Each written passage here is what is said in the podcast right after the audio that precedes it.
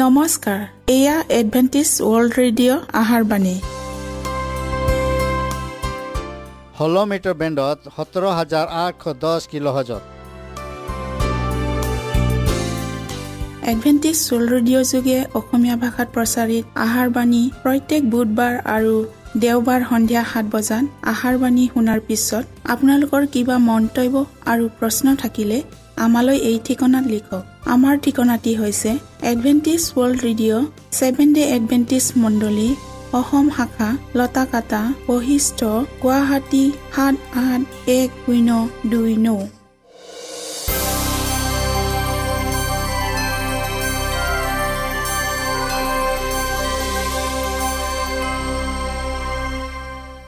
প্ৰিয় শ্ৰোতা বন্ধুসকল এতিয়া শুনো আহক এটি খ্ৰীষ্টীয় ধৰ্মীয় গীত।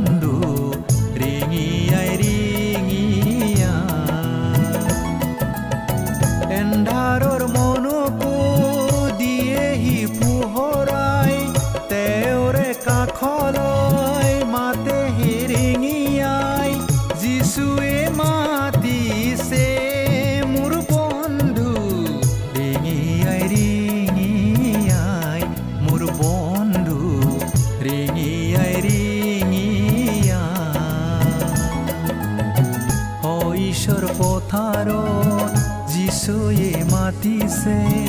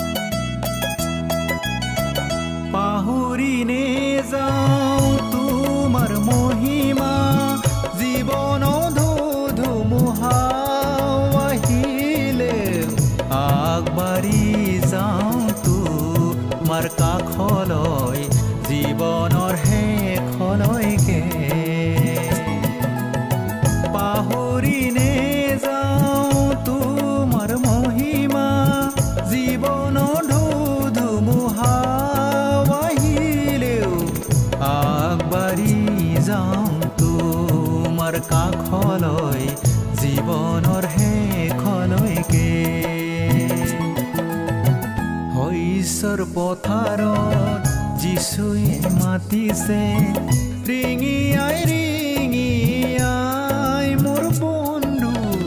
ৰিঙি আই ৰিঙি আই মোৰ বন্ধু। ৰিঙি আই ৰিঙি যিচুৱে মাতিছে নিজৰ কাষলৈ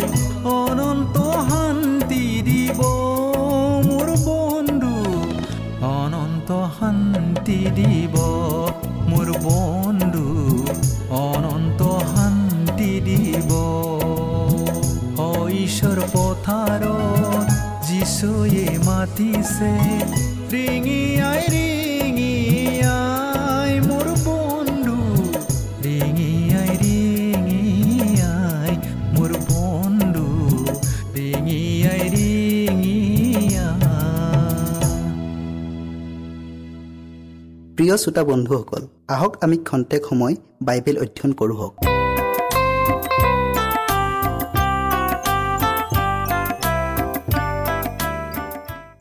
আমাৰ আজিৰ বিষয়টি হ'ল সত্যতাৰ শুদ্ধ চিন। বাইবেল পদটি লোৱা হৈছে জিহিচকেল নৌ অধ্যায়ৰ চাৰি পদ। তুমি জেৰুচালেম নগৰৰ মাজেদি গৈ তাৰ মাজত কৰা সকলো ঘীনলগীয়া কাৰ্যৰ নিমিত্তে হুমুনিয়া পেলোৱা আৰু চিঞৰি কন্দা মানুহৰ কপালত চিন দিয়া। আমি প্ৰাৰ্থনা কৰোঁ হওক। সৰ্বশক্তিমান প্ৰভু আজি তোমাৰ বাক্য শুনিবলৈ এই সুযোগ দিলা। তাৰ বাবে আকৌ তোমাক ধন্যবাদ দিওঁ। প্ৰভু আমি আজি সত্যতাৰ শুদ্ধ চিনৰ বিষয়ে অধ্যয়ন কৰিবলৈ আগবঢ়াইছোঁ। প্ৰভু তুমি আমাক জ্ঞান আৰু বুদ্ধি দিয়া। প্ৰত্যেক শ্ৰোতাৰ হৃদয় পবিত্ৰ আত্মাৰ যোগেদি স্পৰ্শ কৰি দিয়া। যীশুৰ নামত খুজিলোঁ। আমেন। এই বিষয়টিক অতি যত্নেৰে লক্ষ্য কৰক। যিবিলাকে সেই শুদ্ধ চিন লাভ কৰিলে তেওঁবিলাক পবিত্ৰ আত্মাৰ দ্বাৰা নিৰ্মিত হ'ল। তেওঁবিলাকক সন সূতাৰ মিহি বস্ত্ৰ পৰিধান কৰা মানুহৰ লগত তুলনা কৰা হৈছে আৰু মণ্ডলীত এওঁলোকে সকলো ঘীনলগীয়া কাৰ্যৰ নিমিত্তে হুমুনিয়া কাঢ়িছে আৰু চিঞৰি কান্দিছে নিজৰ আত্মিক পতনৰ কাৰণে একো দুখ নকৰা আনৰ পাপ দেখিও বিলাপ নকৰা এনে শ্ৰেণীৰ লোকসকল ঈশ্বৰৰ চাপ নোপোৱাকৈ ৰৈ যাব বিশ্ৰাম দিন পালন কৰিছোঁ বুলি দাবী কৰা সকলৰ ভিতৰতো সকলোৱে সেই চাপ নাপাব। এনেকি আনৰ আগত সত্যতাৰ বিষয়ে প্ৰচাৰ কৰা বহুতো লোকে সিহঁতৰ কপালত ঈশ্বৰৰ চাপ পোৱাৰ পৰা বঞ্চিত হ'বলগীয়া হ'ব। সত্যতাৰ পোহৰ তেওঁবিলাকৰ লগত আছিল। তেওঁবিলাকে প্ৰভুৰ কি ইচ্ছা তাকো জানিছিল। আমাৰ বিশ্বাসৰ প্ৰতিটো কোণৰ বিষয়ে তেওঁবিলাকে বুজি পাইছিল। কিন্তু সেইবোৰ তেওঁবিলাকৰ কাৰ্যৰ লগত মিল নাছিল। অৰ্থাৎ তেওঁবিলাকৰ কাৰ্যত সেইবোৰক দেখা পোৱা নগৈছিল। আমাৰ চৰিত্ৰত এটাও যদি পাপৰ দাগ আছে তেন্তে আমাৰ কোনোৱে ঈশ্বৰৰ সেই চাপ লাভ কৰিব নোৱাৰিব। আমাৰ চৰিত্ৰৰ প্ৰতিটো ক্ৰুটি বিচ্যুতিবোৰক নিৰাময় কৰিবলৈ আমাৰ আত্মাৰ মন্দিৰটোক প্ৰতিটো অধাৰ্মিকতাৰ পৰা সাৰি মুচি পৰিষ্কাৰ কৰিবলৈ আমাক সময় দিয়া হৈছে। এই সুবিধাবোৰ দিয়াৰ পাছতে ঈশ্বৰে শিষ্যসকলৰ ওপৰত আগতীয়া বৰষুণ পৰাৰ দৰে আমাৰ ওপৰতো শেহতীয়া বৰষুণ পৰিব। এনে এক মহৎ প্ৰস্তুতিৰ কাৰ্যৰ সময়ত সেই ভাইসকল আপোনালোকে কি কৰি আছে? যিসকলে জগতৰ লগত মিল হৈ জগতৰ কাম কৰিছে তেওঁবিলাকে জগতৰ সাঁচত নিজকে গঠন কৰি সেই পশুৰ চাহ পাবলৈ নিজকে প্ৰস্তুত কৰিছে।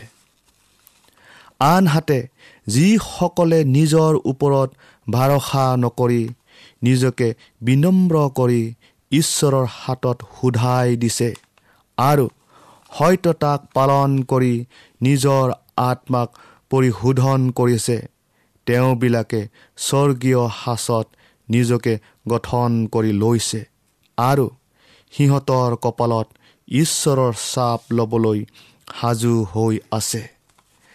যেতিয়া আদে জাৰি কৰা হ'ব আৰু আইনগতভাৱে ইয়াক বলবৎ কৰা হ'ব সেই সময়তো তেওঁবিলাকৰ চৰিত্ৰ বিশুদ্ধ হৈয়ে থাকিব আৰু অনন্ত জীৱনৰ বাবে নিষ্কলংক হৈ থাকিব। নিজকে প্ৰস্তুৰ কৰাৰ সময় এতিয়াই। পাপৰ কলংক থকা এজন পুৰুষ বা এজনী নাৰীৰ কপালত ঈশ্বৰৰ চাপ কেতিয়াও মাৰা নহ'ব। কু অভিলাষী জাগতিক বিষয়বোৰলৈ লোভ ৰখা কোনো পুৰুষ বা নাৰীৰ কপালত ঈশ্বৰৰ চাপ দিয়া নহ'ব। মিছা কোৱা জিভা নাইবা প্ৰবঞ্চনাময় হৃদয় থকা কোনো পুৰুষ বা নাৰীৰ কপালত ঈশ্বৰৰ চাপ স্থাপন কৰা নহ'ব। যিসকলে সেই চাপ গ্ৰহণ কৰিব তেওঁবিলাক সকলোৱে ঈশ্বৰৰ সন্মুখত নিষ্কলংকৰূপে থিয় দিব লাগিব। এওঁবিলাকেই প্ৰকৃত স্বৰ্গৰ প্ৰাৰ্থী। প্ৰকাশিত বাক্য চৈধ্য অধ্যায়ৰ পাঁচ পদটো আকৌ আমি চাওঁ হওক। তেওঁবিলাকৰ মুখত কোনো মিছা কথা পোৱা নগ'ল তেওঁবিলাক নিষ্কলংক। যিসকলে জীৱন্ত ঈশ্বৰৰ চাপ লাভ কৰিব কেৱল তেওঁবিলাকেহে মাথোন পবিত্ৰ নগৰত সোমোৱাৰ প্ৰৱেশ পত্ৰ পাব। যিসকলে কৃষ্টৰ চৰিত্ৰক নিজৰ চৰিত্ৰত দেখুৱাব পাৰিব তেওঁবিলাকৰ ওপৰতহে জীৱন্ত ঈশ্বৰৰ চাপ দিয়া হ'ব। উত্তপ্ত লোহাৰ ওচৰত মম যেনেদৰে গলি যায় ঈশ্বৰৰ আত্মাৰ ওচৰত মানুহৰ জীৱনো তেনেদৰে গলি গৈ কৃষ্টৰ সাঁচত নতুনকৈ গতিত হৈ তেওঁৰ প্ৰতিমূৰ্তি লাভ কৰিব লাগিব। তেওঁৰ বিধান পালন নকৰাৰ বাবে বা ধাৰ্মিকতাৰ ফলবোৰ উৎপন্ন নকৰাৰ বাবে বহুতো লোকে ঈশ্বৰৰ চাপ নাপাব। নিজকে খ্ৰীষ্টান বুলি দোহাই পুৰা এক বৃহৎ দলে ঈশ্বৰৰ সেই মহান দিনত নিৰাশ হ'বলগীয়া হ'ব।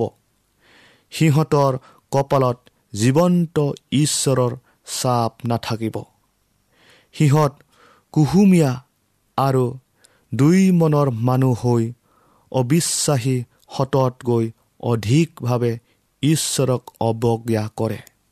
যিজনাই কোনো কালে ভুল কৰা নাছিল তেওঁৰ ভৰ দুপৰীয়াৰ দৰে উজ্জ্বল বাক্যৰ পোহৰত নচলি সিহঁতে ঘোৰ আন্ধাৰতহে থাকিবলৈ ভাল পাইছিল।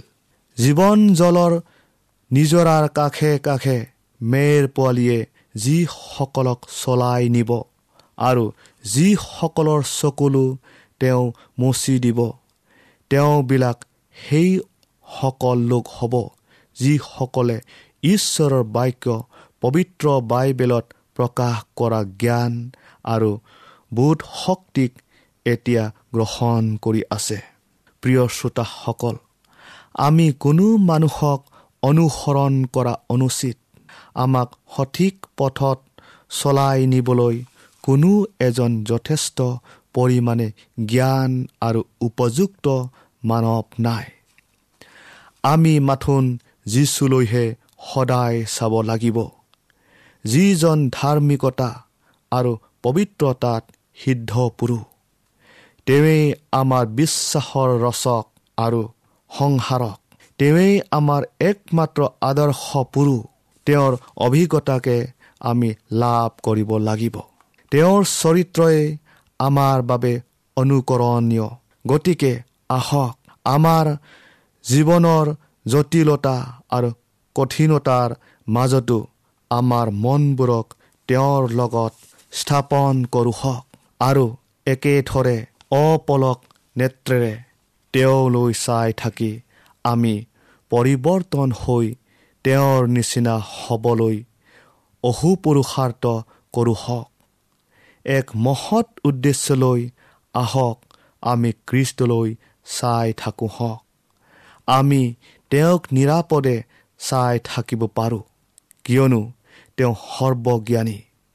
যেতিয়া আমি তেওঁলৈ চাই থাকিম আৰু তেওঁৰ বিষয়ে ভাবি থাকিম তেতিয়া তেওঁ আমাৰ ভিতৰত মহিমাৰ আশাৰ এক অনুভৱ সৃষ্টি কৰিব। এক লাখ চৌৱাল্লিছ হাজাৰৰ ভিতৰত ঈশ্বৰে যেন আমাকো স্থান দিয়ে। তাৰ বাবে আহক আমি প্ৰাণপণে সংগ্ৰাম কৰোঁ হওক। ঈশ্বৰৰ আশীৰ্বাদ আপোনালোকৰ ওপৰত থাকক।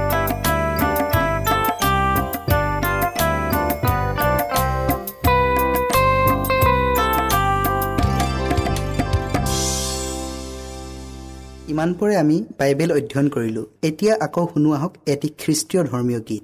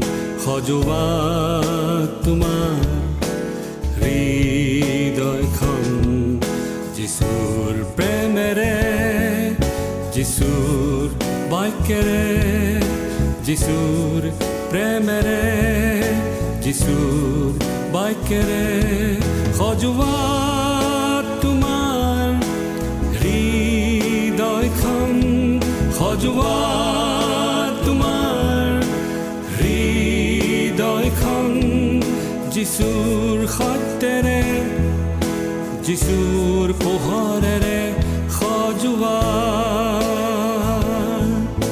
যিচুৰ সত্যেৰে যিচুৰ পোহৰেৰে সজোৱা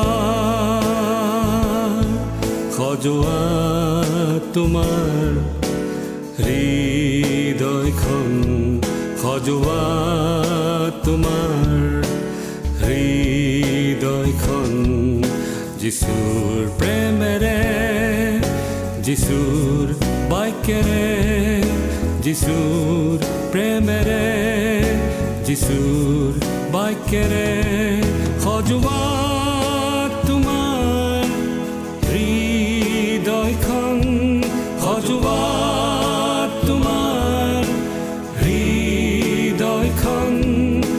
যিচুৰ সত্যেৰে যিচুৰ পোহৰেৰে সজোৱা।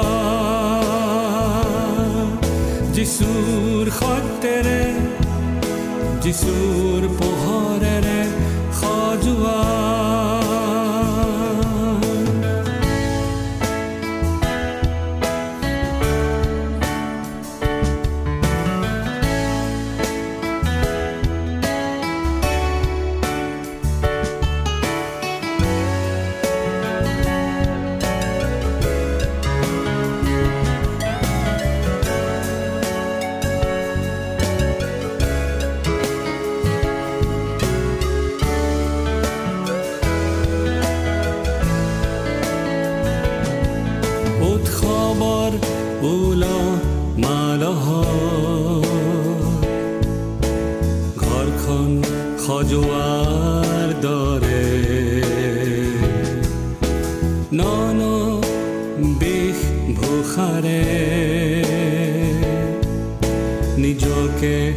সজোৱাৰ দৰে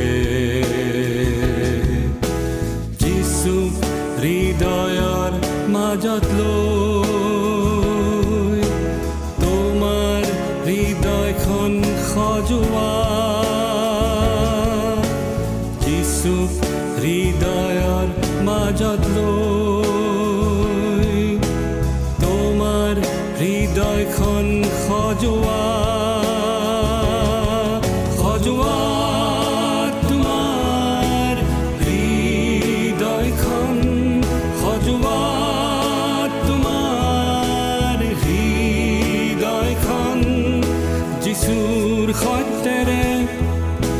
যিচুৰ পোহৰেৰে সজোৱা যিচুৰ সত্যেৰে যিচুৰ পোহৰেৰে সজোৱা যিচুৰ সত্যেৰে যিচুৰ পোহৰেৰে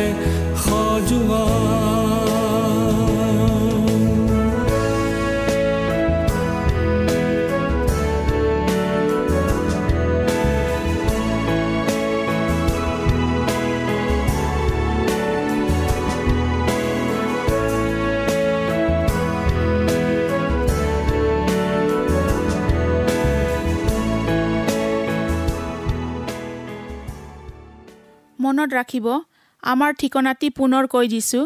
Adventist World Radio' Assam region of seven day Adventist Voice of Hope Lotakata Basistha Guwahati seven eight one zero' two nine প্ৰিয় শ্ৰোতা বন্ধুসকল এডভেণ্টিজ ৱৰ্ল্ড ৰেডিঅ' যোগে আহাৰবাণী প্ৰচাৰত আপোনালোকক পুনৰ লগ পোৱাৰ আহাৰে আজিলৈ সামৰিলোঁ। ধন্যবাদ।